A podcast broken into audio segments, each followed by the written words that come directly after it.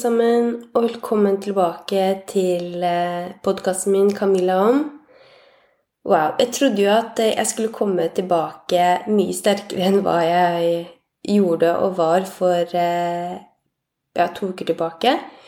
Men det gjorde jeg ikke. Jeg klarte å pådra meg en kraftig forkjølelse. Jeg fikk faktisk covid igjen. Så det var jo morsomt. Eh, men det kommer jo alltid noe bra ut av en eh, sykdomsperiode, si. Og ikke minst i løpet av eh, perioden hvor man er syk, og hvor man faktisk blir tvunget til å ta det med ro og ja, egentlig komme seg fysisk på, på beina igjen, fra innsiden og ut. Eh, så slik sett så var det en eh, utfordrende uke, en slitsom uke, ikke en morsom uke. Ingen liker jo å være sjuke og føle at man eh, ja, ikke strekker til. Men nå er jeg tilbake, og jeg føler at jeg er oppe og nikker. Så da tenkte jeg da må jeg spille inn en podkastepisode. For det er litt rart det å gjøre noe ukentlig, og så har man en plan på at ok, neste uke da slår jeg til, og så plutselig så er det ting som skjer som man ikke kunne forutse. Og sånn er du li med livet. Og det er det som også gjør livet for øvrig ja, veldig fantastisk å leve. Men i eh, uken som gikk, da, altså i forrige uke, så fikk jeg muligheten til å tenke og når energien var med på topp, og fantasere eh, litt rundt ok, hva er det jeg skal prate om i neste episode. Hva er det jeg eh, brenner inne for å si, for å formidle? Og så merket jeg også at det var tanker rundt det med hvem er jeg til å skulle dele noe i det hele tatt? Hvem er jeg til å Eller hva skal jeg dele når vi har situasjoner i verden som er kjempealvorlige. Eh, og i denne drodlingen så kom jeg egentlig fram til at det, det er viktig, kanskje enda viktigere når det stormer rundt oss som verst på ulike områder, at vi må ta vare på oss selv og komme tilbake til oss selv, da, og finne tilbake til tryggheten, finne tilbake gledene, takknemligheten, fordi det er veldig lett å la seg rive av negativitet og av nyheter som kun fremmer det som er vondt. Og jeg mener ikke at vi skal ha skyggelapper for Eller at jeg har det. Skyggelapper for det som skjer, men det er en viss mengde man egentlig klarer å fordøye, og som man kan ta til seg før det på en måte kan gå en annen og litt dårlig vei, da. Eh, og i forbindelse med akkurat disse tankene også, så tenkte jeg jo, å snakke om dharma, meningen i livet, livsmening, hensikt, formål osv. Hvorfor ikke? For det er noe jeg både har tatt sertifisering i i coachingutdanninga mi, det å faktisk hjelpe andre mennesker til å finne tilbake til sin dharma, og til å finne tilbake livsgleden, til å finne tilbake troen og selvtilliten og selvsikkerheten til å faktisk begynne på et liv da, som man egentlig kanskje alltid har ønsket seg, men som man av ulike årsaker ikke har klart å starte på eller valgt å begynne på. Så dagens episode skal jeg da tilegne til faktisk dharma. Eh, og eh, jeg håper du som lytter vil eh, bli inspirert, at du vil få litt ny kunnskap og at du ikke minst eh, blir mer nysgjerrig på deg selv og hva din dharma kan være. Dharma kommer for det første fra sanskrit. Og med likhet med så mange andre navn og begreper på sanskrit, så kan ikke dharma oversettes med ett enkelt ord. Men for mest mulig ja, hva skal man si, relevans eh, i dagens episode, så tenker jeg i hvert fall at dharma er å betrakte som en kombinasjon av noe som også er sanskrit, som betyr da varna og seva. Eh, vanligvis så tenker man på varna som lidenskapen vår, eller evnene våre. Og seva er å forstå verdens behov eh, og uselvisk tjene andre. Så når mine eller dine naturgitte talenter og lidenskaper kobles med nettopp universets behov, som da er Varna og Seva, så blir dette hensikten og kanskje nettopp formålet og meningen med livet. Og vi lever da i kontakt med dharmaen vår.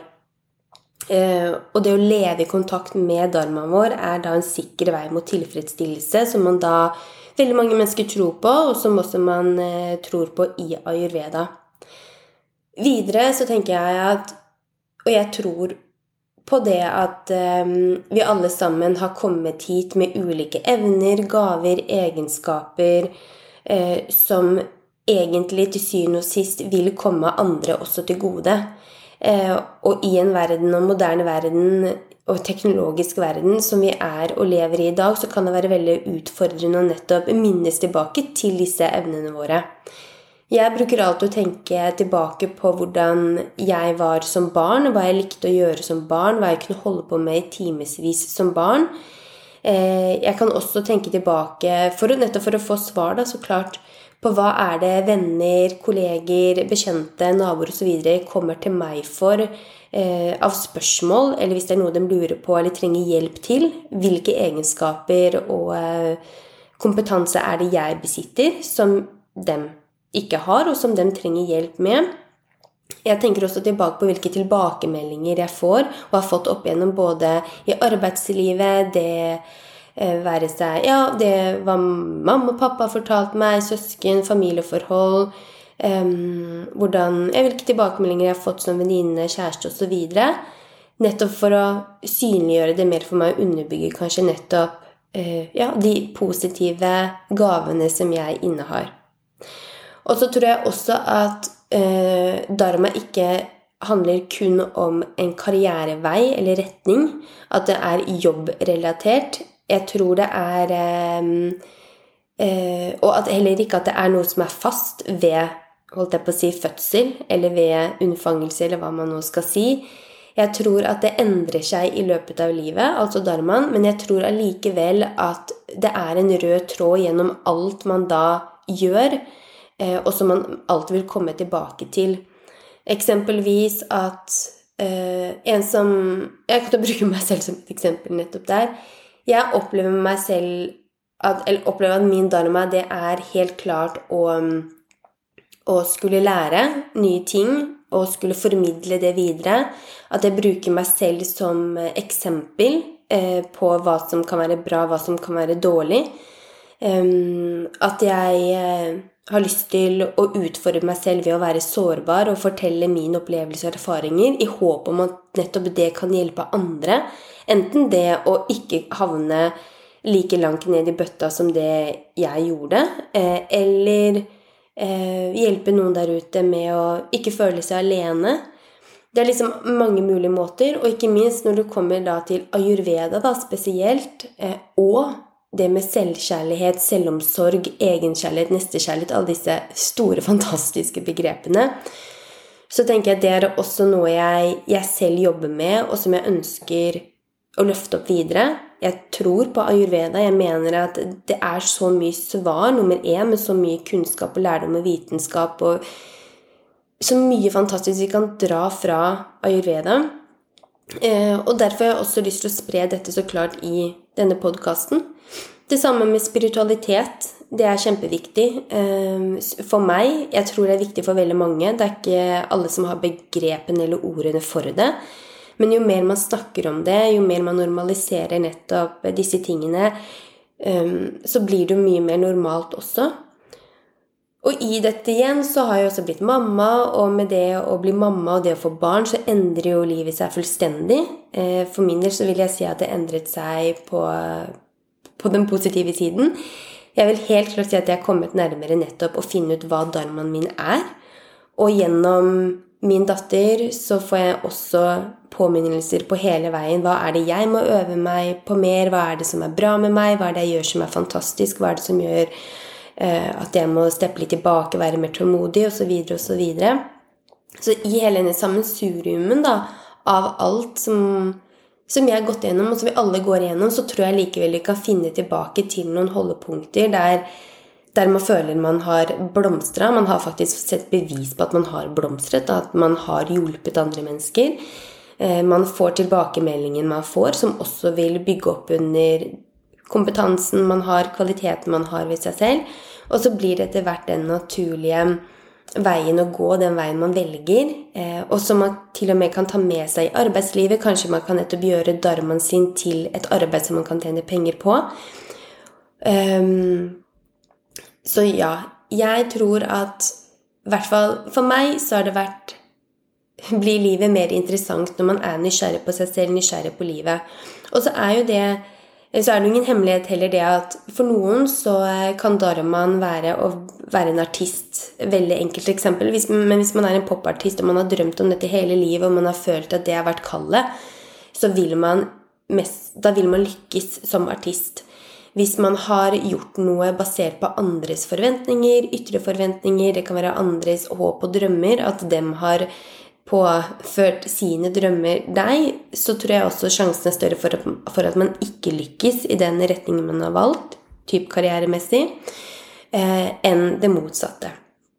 Så tilbake til det jeg snakket om så mye som jeg fortsatt har stor tro på, det er at vi vet best selv. Vi sitter på alle svarene selv.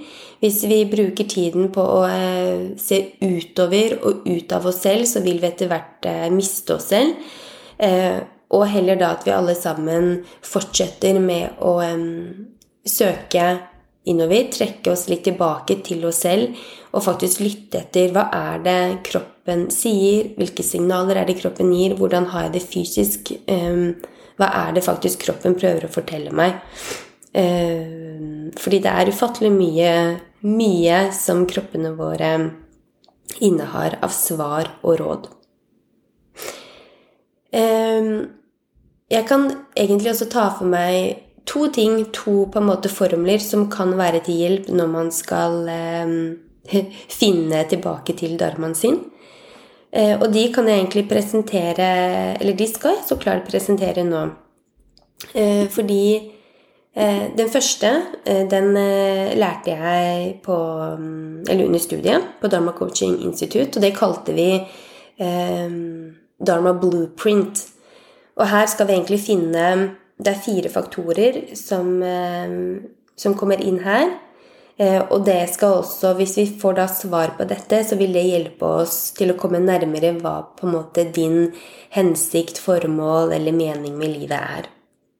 Og den første, eh, første delen det er da mediumet. Altså hvilket medium er det du har, hvor du opplever at du står stødig i deg selv, du klarer å formidle budskap, du er trygg i deg selv. Det kan være gjennom skrift, det kan f.eks. være gjennom sang, det kan være gjennom um, å prate, kommunikasjon på den måten. Eller det kan også være gjennom kunst.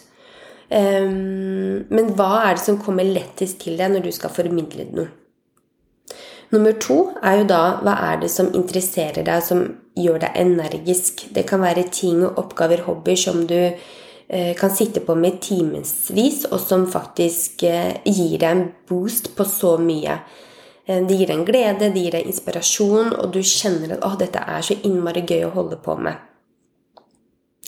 Nummer tre så er det da litt tilbake til tilbakemeldinger man har fått av de rundt seg, men hvilke utfordringer eller hindringer er det du hjelper folk med og har hjulpet mennesker med? Og da kan man jo tenke tilbake på nettopp hva er det vennene dine kommer til deg for? Hva er det kollegaer eh, kommer til deg for? Det være seg tilbakemelding nok en gang. Hva er det bekjente, eh, nære, kjære, familie osv.? Hva, er hva er det du som oftest har hjulpet andre med, som er rundt deg? Videre så har også Jay Shetty i boken sin 'Tenk som en munk' Han har også en formel, og det er litt av det samme som, eh, som det jeg eh, lærte og praktiserte på, eh, på DCI. Og det er bl.a. at når man legger sammen lidenskap pluss ekspertise pluss nytteverdi, så har du da dharmaen. Og det er da på en måte din dharmiske på en måte vei, da. Eh, og jeg tror nok en gang at hvis ikke vi har lidenskap til grunn, så vil vi kjappere bli utlada, og i verste fall deprimert. Vi vil i hvert fall ikke føle at vi eh, er på en suksessfull vei. Og nok en gang, det er jo eh, individuelt hva suksess er for deg, og hva det er for meg. Men hvis man har med seg lidenskapen, som igjen gjør at man klarer å, å yte denne lidenskapen til at man hjelper andre, så vil også det gi en nytteeffekt for begge, men alle involverte.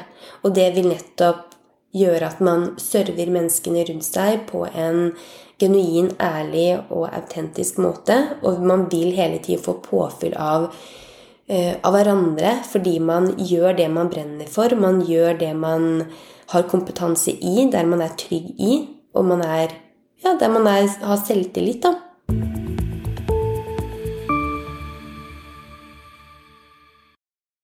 Og for å sette et litt annet bilde på dette med dharma og eh, hvordan man kan oppdage dharmaen, så har jeg lyst til å trekke frem Jay Shetty nok en gang. For han eh, beskriver og forklarer det veldig fint i boken sin 'Tenk som en munk', og hvordan han fant ut hva hans dharma var og er. Så denne, eller det lyder som følger Å oppdage dharma. Det er den første sommeren min i ashrammen. Jeg har vasket baderom, laget potetgryter, høstet kål. Jeg har vasket klærne mine for hånd, en skikkelig treningsøkt i seg selv, siden stoffmengden i en munkekappe er på nivå med et sengelaken, og det er hardt arbeid å få gnikket bort alle flekkene fra mat og gress. En dag jeg står og rengjør kokekar med gløden til en overivrig lærling, kommer en seniormunk bort til meg og sier Denne uka vil jeg at du skal ha ansvaret for en av klassene. Temaet er et vers fra Bhagavad Gita. Og verset er uansett hvilken handling en stor mann utfører, vil vanlige menn følge etter i fotsporene hans.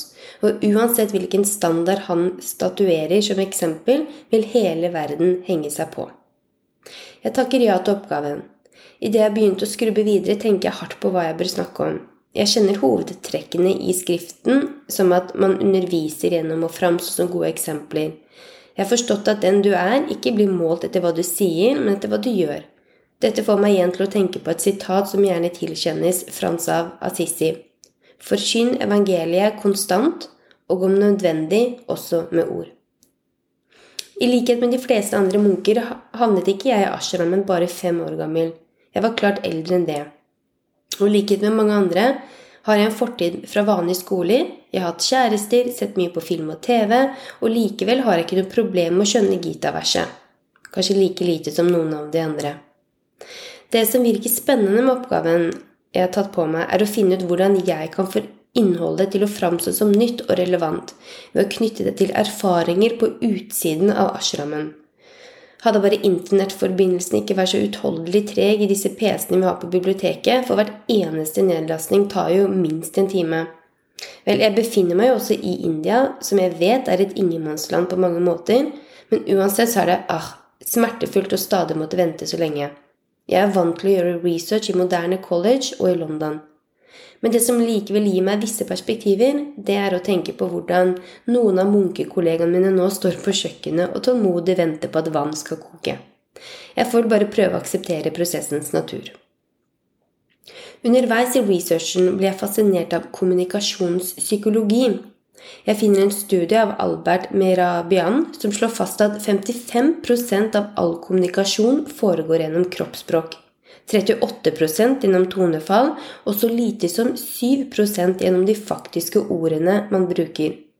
Og selv om prosenttallene kan variere fra studie til studie, er det ingen tvil om at det meste av menneskets kommunikasjon er ikke-verbal.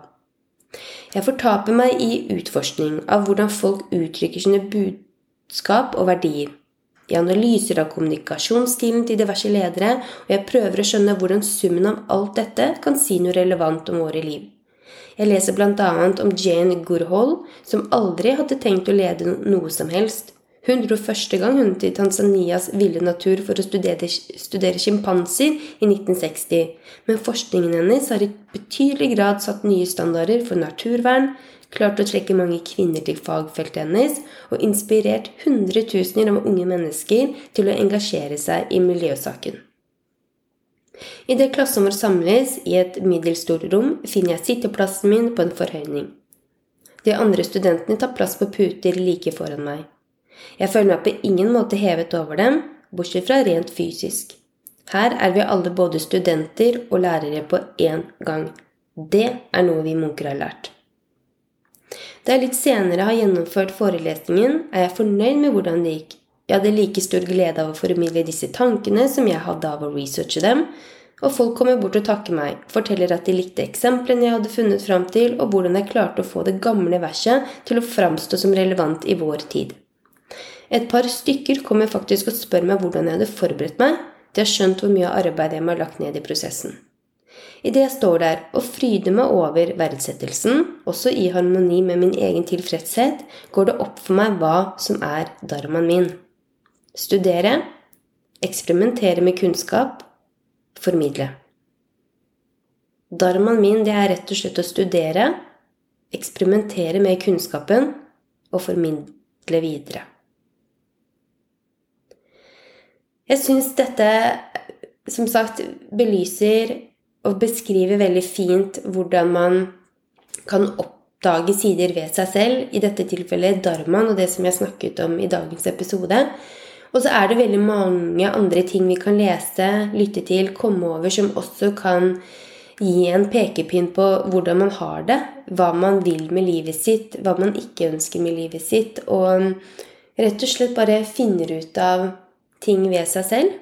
Og da lar jeg det ble, ble bli det jeg um, sier for i dag. Jeg har en tendens til bare fortsette å bable når jeg har bestemt meg for å um, avslutte. eh, så fram til vi høres igjen neste uke, da håper jeg også at jeg kommer enda sterkere tilbake. Eh, så må dere ha en riktig så fin onsdag, en fin uke videre. Og jammen meg, nå er vi i november, som betyr Herregud, podkasten min er snart ett år. Det er vel kanskje neste uke, det, eller uken etter, hvor jeg må ha en bursdagsepisode. Ja, jeg, må, jeg må finne på noe. Men det er i hvert fall kjempegøy å tenke på at det har gått et helt år fra jeg publiserte første episode, publiserte en teaser osv., så, videre, så sitter jeg her i dag, og jammen har det skjedd mye. Men nok om det. Det kan vi ta i en annen episode. Ha en fin dag, og så prates vi igjen neste uke. Ha det!